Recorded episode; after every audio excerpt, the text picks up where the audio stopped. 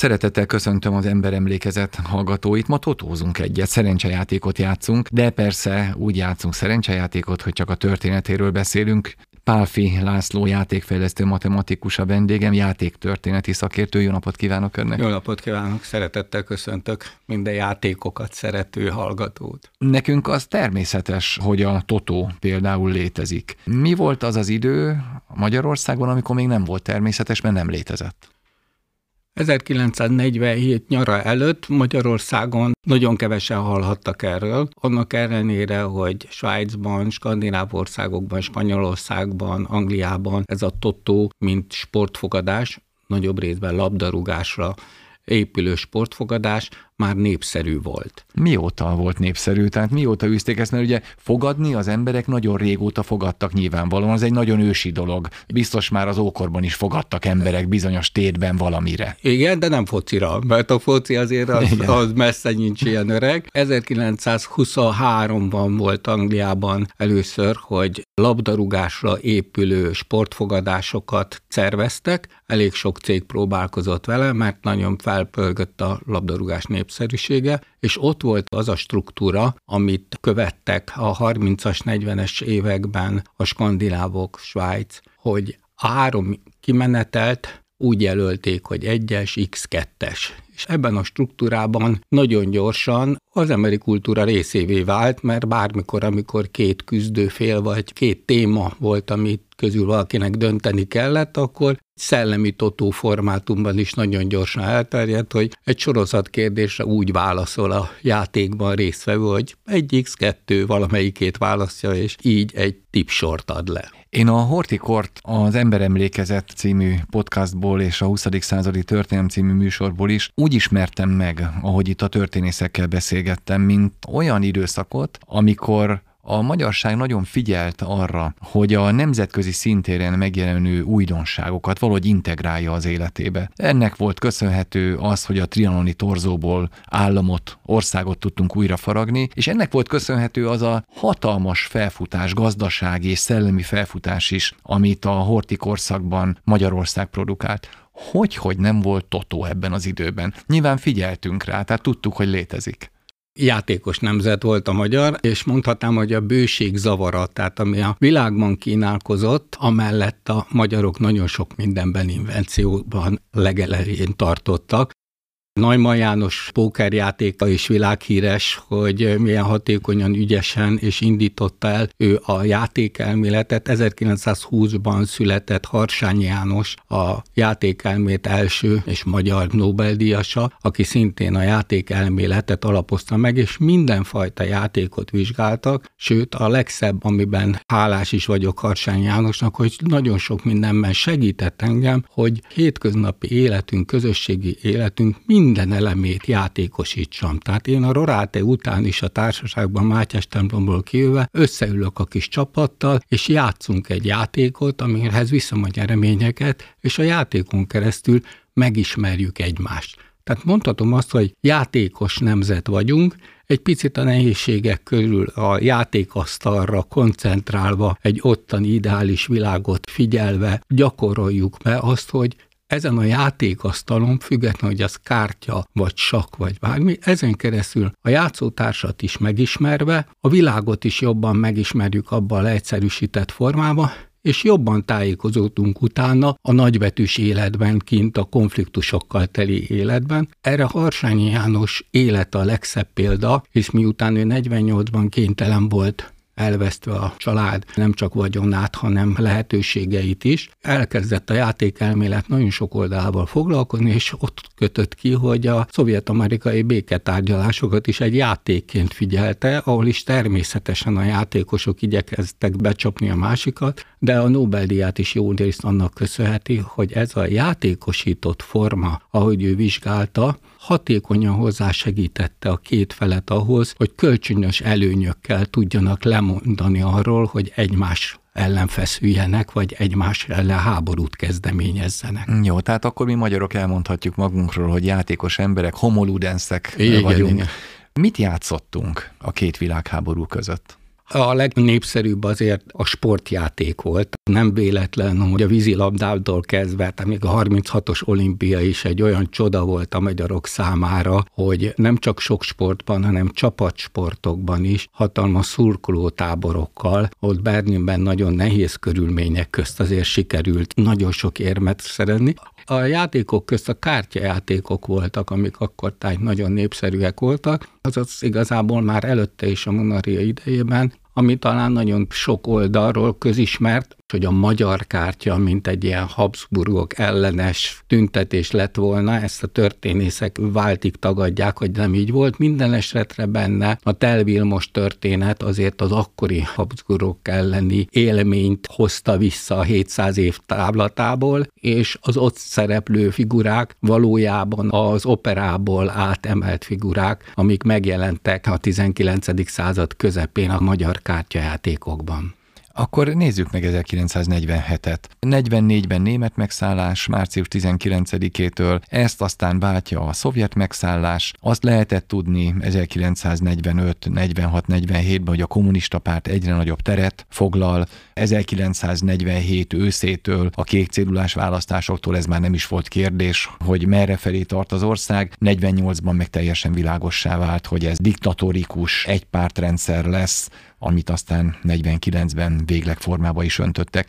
És közben megjelenik a Totó. Hogy fér ez bele ebbe a gondolkodásba? Nagyon nehezen. Komoly viták is voltak, hogy szabad-e egy olyan lehetőséget felkínálni a lakosságnak, hogy akár több ember életnyi bért meg lehet egy 3 forint 30 fillére szelvénnyel nyerni, a munka és a szerencse ilyenfajta párhuzamba állítása bizony nagy kockázatot jelentett. A játék azonban nem egy csodálatos aranytojás tojótyúk, hanem igazából a magyar társadalom tette hozzá, mert az, hogy 1946. augusztus 1 megjelent a forint, az egy stabil tervezhetőséget jelentett, tehát akkor már volt vonzereje annak, hogy mennyit nyerek, mit ér az? Hát aránylag stabilizálódott már 46 végére, amikorra már az is stabilizálódott, hogy nagy meglepetésre az akkori gyakorlattal ellentétben az olimpián a vesztes hatalmakat is meghívták, hogy szerepelhessenek.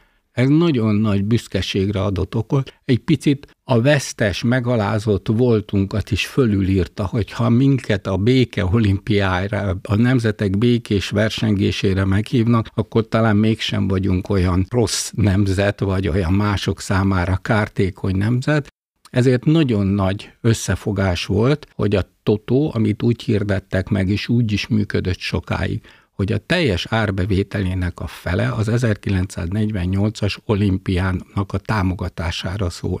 Ezért az a 186 ember, aki Magyarországról kiment, azért tudott ilyen óriási létszámban kimenni, mert a totó népszerű volt, tehát gazdasági alapot adott a sok totózó azzal, hogy a befizetett pénznél, ha a többsége, sőt átlagos azért több mint 90%-a nem nyert vissza semmit a befizetett pénzből hétről hétre, azért mégis ott volt a remény, hogy akár több százezer forintot nyertek, mint ahogy mások. Másrészt, ha meg nem nyertem, akkor a magyar sport nagyon sokfajta sportágát támogattam, hogy ott lehessenek.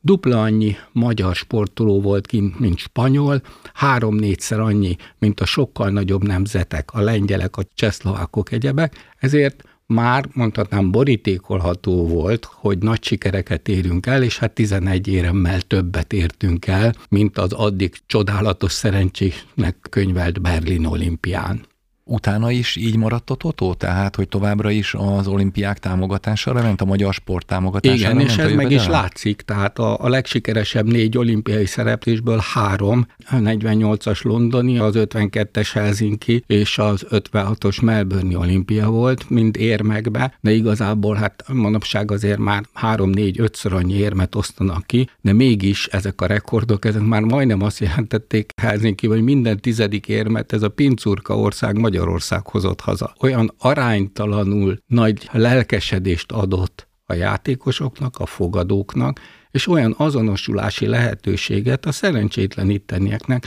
amikor fogadnak olyan sportolókra, akik küzdöttek a nemzetért, küzdöttek természetesen a saját ambíciójuk szerint, és ez 1956. decemberéig változatlan formában ment, arányait tekintve már persze sokkal több helyre is folyt a pénz, de nagyon-nagyon sok sportot, később egyre több kritika is érte, mert nem csak sportolók utaztak ebből, hanem sportvezetők meg csapódtak hozzá olyanok, hogy hát ezért játszottam, de hát óhatatlanul mindig sok oldala van egy ilyen játékos azonosulásnak. Ez azt jelenti, hogy az 1960-as olimpián már nem volt a totó bevétel az olimpiai részvétel mögött? Sokkal kisebb arányban volt mögötte, másrészt pedig már akkor a Totónak az a nagy népszerűsége több okból is csökkent, Egyrészt már 1956-ban nem csak a Totó 8 hétre megszakadt, nem volt labdarúgó mérkőzés, nem voltak sportesemények, sőt ez úgy szakadt meg azért október 21-ét követően, hogy nem is tudták, hogy újraéleszthető-e a totó, és hát akikre fogadtak a sportolók jelentős része is, bizony sportágokban majd 40 százalék, az vagy kint maradt az olimpián, vagy egyszerűen elmenekült az országból, nem látva az ő sportkarrierjének a folytathatóságát, de a totózók közössége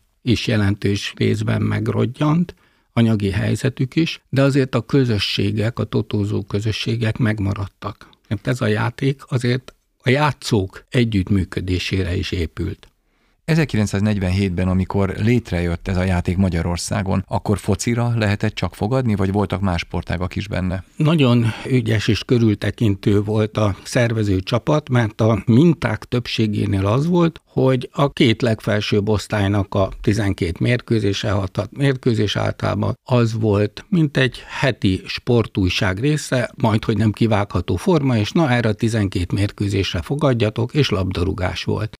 A magyar változat némely külföldi példa alkalmi sikerét is követve, abban az időszakban, amikor nem volt labdarúgás, akkor kosárlabdára, kézilabdára is kínált, később már kerékpárra is. Tehát ha a téli szünet vagy a nyári uborka szezonban nem voltak megfelelő vonzó mérkőzések, azért más sportágakban is, hát 55-ben kosárlabda, Európa bajnokságot nyertünk, nagyon sok olyan sportág volt, amire rá tudta terelni a figyelmet, és maga ez a fogadási ajánlat is olyan volt, ami egyfajta azonosulást kínált a lakosoknak a helyi kis csapatok, nagy csapatok, csapatokkal, meg ismerősökön keresztül.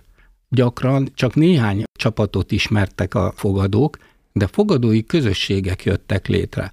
Legegyszerűsítve, amikor 12 mérkőzés volt, akkor hat a társasházban élő dolgozó ember összefogott, összetette a kis pénzét, töredéknyit, tehát mondhatnám én kifli árakat, és akkor az egyik az első két mérkőzésen, a másik a második két mérkőzésen, a hatodik az utolsó két mérkőzésért volt felelős, és időszakonként, évszakonként összeültek és megnézték, hogy kinek a tipjei voltak a legjobbak, legrosszabbak. És általában az volt, hogy a legrosszabb tippeket adónak szolgáltatást kellett nyújtani a legjobbnak, tehát ha a legrosszabb tipp sorozatot a festő adta, akkor bizony ki kellett, hogy fesse a konyháját a nyelvtanárnak. Ha fordult a kocka, akkor a nyelvtanárnak meg kellett a festő gyerekét tanítani. Németre, angolra, oroszra, vagy épp ami akkor aktuális volt lesz a játék, még további játékokat ösztönzött. És együttműködés. Egy boldog képet sugárzott, és a korabeli plakátok is ezt mutatták, tehát kis csapatok, mosolygós emberek, és a játék úgy jelent meg, mint egy napsugár, a totó napsugár, máshol meg úgy jelent meg, mint egy esernyő, ami védi a nehézségektől, ha valaki játszik, egy picit egy zárt világot hoz létre, legyünk együtt, álmainkat dédelgessük. Igen, nagy nyeremény, nagy öröm, totó, örök lakások, családi ház, milliós nyeremények, lottó, aztán azt mondja Totó, itt éppen egy focista rúg egy labdát, Totó minden időben, minden héten, mosolygós arcok valóban mindenhol. Volt is egy reklámfigurája tulajdonképpen ilyen négy levelű lóherével Igen, a kalapjában. Együtt, ugye? együtt voltak, aztán utána már 67 után már három ilyen figura együtt sétálgatott, a Lotto Otto, a focilabda fejű Totós, meg a szintén sportot támogató borítékos sorsjegynek a kis penge figurája, és ezek mind olyan fajta közösségi élményt szolgáltak, hogy játszunk együtt, játszunk az ország sikeré ér, de aki régi képeket néz, meglepődhet, még talán az 56 tavaszi képeket is, hogy ezeken az óriási hengereken mosolygós plakátok tömegei voltak. A kislány, aki telefonál, hogy a Totó nyert, mellette olyan családok, akik a padra leülnek és álmodoznak a sikerről, és aztán az is érdekes, hogy nagyon sok 56 október-novemberi tönkrement, vagy félig szétlőtt hengeren is felismerhetők ezek a plakátok, hisz ezek nem aktuális pillanatnyi programokat hirdettek, hogy szeptember 27-én ilyen és ilyen focimes lesz, hanem ezek olyan úgynevezett imás plakátok voltak, amit a macskásék csináltak, és az állami nyomda csodálatos minőségben a várban tízezer számra nyomta ki, amik örökérvényűek voltak ha kiragasztották, akkor az 5-6 év múlva is még aktuálisan üzent, sőt, nagyon jó állapotban megmaradtak a villamosokon. Tehát ahol az 50-es, 60-as, 70-es években kapaszkodtunk, akkor az arcunk előtt 30-40 centirek és üveglap mögött tenyérnyi méretű kis plakátokba, 16x25 centis formátumban jelentek meg ezek az utcán 60x80-as méretű óriás plakátoknak a kicsinyített másai, és ugyanígy hívták fel a figyelmet, hogy játszunk együtt, játszunk az olimpia sikeréért. Hányan játszottak 1947-ben az első körben, és aztán mekkorára fejlődött fel ez a szám az idők folyamán? Ez fél év alatt nagyon-nagyon gyorsan fölpörgött. Szinte minden héten volt valami olyan hatalmas löket, ami hozzásegítette, hogy másfél millióra növekedett a szelvények száma 1948 márciusra. A legelső nyertesek vállalták a nyilvánosságot, több családi háznyi összeget nyertek. Három év alatt négy különböző szervező volt. Keresték a játék fölfutásához egyre jobban illőt. Legelején a takarékpénztár volt, akkor Lottó Nemzeti Vállalat, végül 1950-ben került az OTP nagy égisze alá, ahol már tényleg nagyon hatékonyan tudták kiszolgálni az érdeklődőket és ebben a forgatagban a játékszabály azt mondta, hogy ha valaki a szelvény hátoldalára ráírta a nevét címét, akkor az 5000 forint alatti összeget odapostázták ezért nem tud vagy hol is veheti föl a nyereményt, ha nyer, ezért nagyon sokan ráírták. Volt ugyanott egy kisbetű, hogy jelölje be X-el, hogyha azt akarja, hogy erre a címre kiküldjék, de nem akarja, hogy az újságban megjelenjen, de ezen azért ugyanúgy manapság azért könnyen átsiklunk, és ezért a többsége úgymond hozzájárult. Volt úgy, hogy a legnagyobb 50 nyertesből több mint 30-nak a nevét elolvashatta, és, és nagyon sokan fölismert, jaj, a szomszédnek átmegyek hozzá, kölcsönkérek, együtt leszünk, kitaláljuk, játszunk együtt,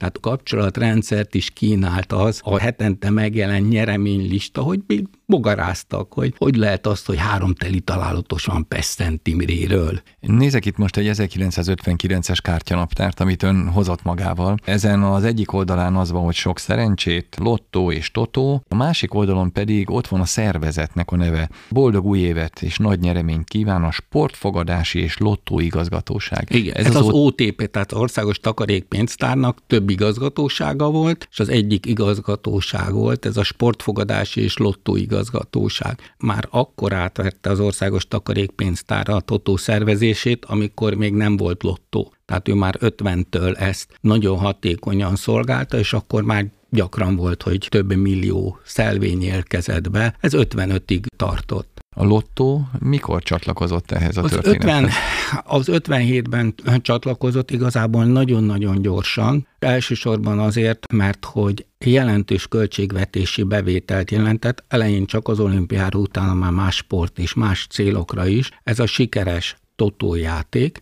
ezért a kiesés az nagy gond volt, és a kiesés pótlására, vagy egyáltalán a bevételek növelésére, úgy, ahogy kitalálták a totót a sportok támogatására, mint ideát, ugyanúgy a lottót kitalálták a lakásépítés támogatására. Tehát nyomon követhető volt, nem csak a majd ezer lakás nyaralunk keresztül, ami tárcsors a lottósokhoz került, és manapság is, hogyha nagy körúton már látunk lottóház föliratok, ahol is benne vagy 50 lottólakás, hogy ezen keresztül is segítették azt, hogy az ország újjáépítése minél hatékonyabban működjön, és ezek a nyeremény alapfelosztásos játékok bizony 30-40 éven keresztül nagyon hatékonyan szolgálták az egész ország közös ügyét. Tud mondani egy-két jó kis történetet ebből az időből? legkedvencebb történetem talán ebben a nagyon nagy lelkes 1955-ös időszakból az volt, amikor 1955. augusztus elején, amikor is matematikus társam született, akivel együtt jártam később egyetemre, Az aheti Totóman nagyon nagy boldogságot érzett át az ő édesapja is, és nagy ünneplés csaptak már vasárnap este, és a poén lényege, hogy 5200-nál is több nyertes lett ezért az a 70 forintos nyeremény, ami a teli találathoz járt, az bizony sokakat elgondolkodtatott, hogy mit is jelent egy ilyen nyereményfelosztás. Tehát a játékossága már ott is megjelenik, hogy okos vagyok, értek a szakterülethez, eltaláltam, meg szerencsés vagyok a kimenetet, de akkor, hogyha több mint 5000 ugyanilyen szerencsés, akkor átélték a reménybeli gazdagságnak az örömét és a realitást is. A szervezeti forma az mikor változott meg? Mikor történt meg az, hogy már nem az OTP szervezeti keretei között működött a Ez szerencsejáték? nagyon érdekes, hogy 1990-ben már volt, hogy 20 millió szelvényt is eladtak lottóból is, totóból is, 87-ben volt a totónak már egy 20 millió fölötti darabszáma. Ellenben akkor, amikor 90-ben a rendszerváltás amikor átgondolták az ország gazdasági alapját, akkor a nemzetközi minősítő rendszerek úgy mondták, hogy az ország legnagyobb bankja szerencsejátékot szervez, imásként ez nem tehető meg profiltisztításra ösztönözték a bankot, hogy tényleg banki tevékenységekre koncentrálva érjen el sikereket. A szerencsejátékkal való összekapcsolása egy banki tevékenységnek, az hosszú távon ők úgy gondolták, hogy nem szerencsés, és akkor létrejött a szerencsejáték ZRT, teljes egészében átvette